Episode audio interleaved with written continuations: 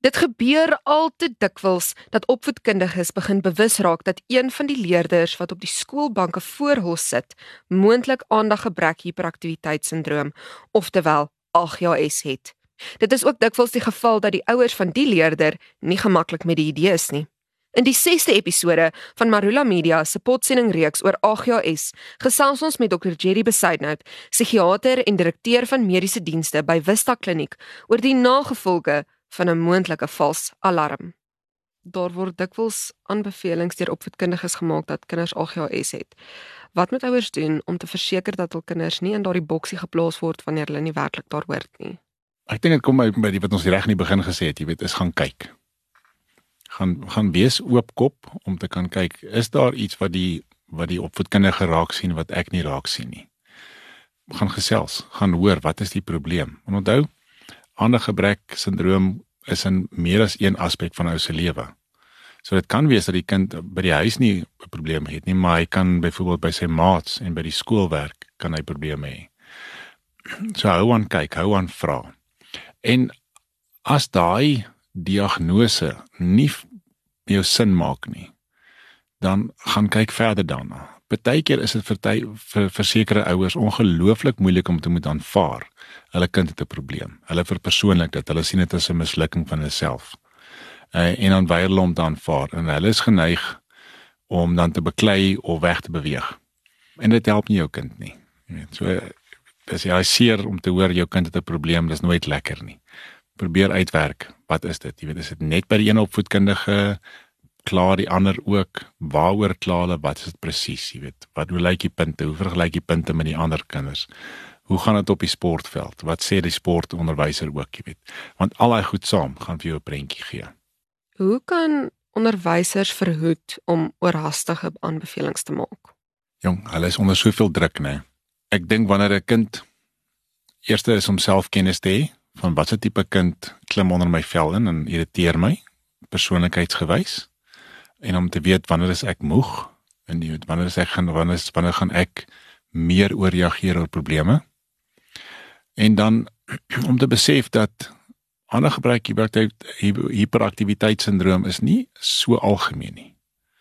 Jy weet dit is maar net daar is 'n klein persentasie van kinders wat dit het. So daar's ander kinders wat dit wat ander goeters het. So om te gaan kyk, wat sit met daai kind? Jy weet 'n slim kind, né?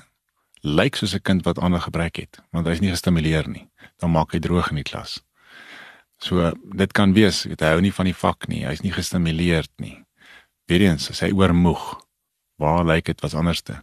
En as daai opvoedkundige met die ander onderwysers ook gaan praat waar hy selfe kind klas voorgee of iemand anders te vra, luister kom sit in en kom kyk bietjie.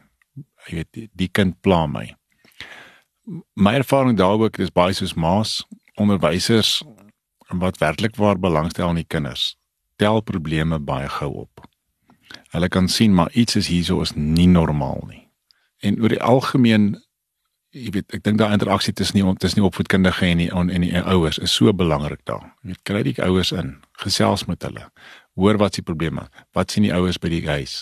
Want weer eens, party ouers se se vermoë om chaos te kan absorbeer is baie baie groot.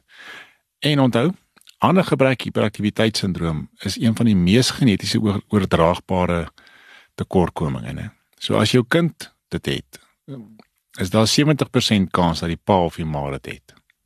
So as so hy so lyk, dan is dit vir hulle normaal. En dan kan hulle ook bietjie sukkel as die juffrou sê maar hierdie is nie normaal nie. Jy weet so, hou aan met daai gesprek. In jou ervaring, is daar 'n toename van ouers wat by jou kom aanklop met die vermoede dat hul kind dalk AGHS het. Daar is my toename. Ek dink dis aan die weens bewusmaking. Meer mense is bewus van die feit dat jy suits kan hê en is ook meer bewus dat daar's behandeling daarvoor. En die stigma rondom dit is definitief minder. So ek dink meer mense kom vorentoe. Ons mis nog baie hoor. So dit is nie asof daar strome en strome mense voor die dokter se deure staan nie.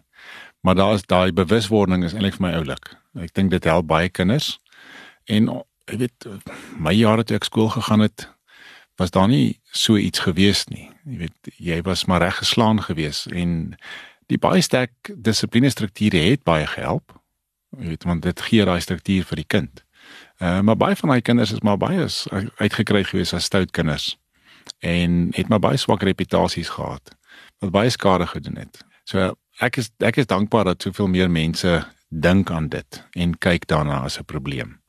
Die negatiewe kant daarvan is is dat party ouers is geneig om iets buitekant te wil hê wat wat gou hierdie kind moet regmaak. So hulle soek net pille en die kind moet dit pille moet dan alles regmaak. Hulle sukkel dan om te moet aanvaar hulle gaan hulle rotine en 'n dissipline styl moet verander. En partykeer is die kind nie, het hy nie 'n gebrek nie. Maar daar is rotine en dissipline probleme. Hulle dissipline styl werk nie vir hulle kind nie.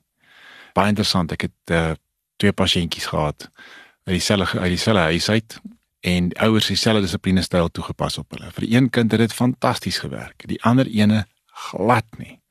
So soveel so dat daai kind uit die skool uit geskort was as gevolg van gedrag en goeters.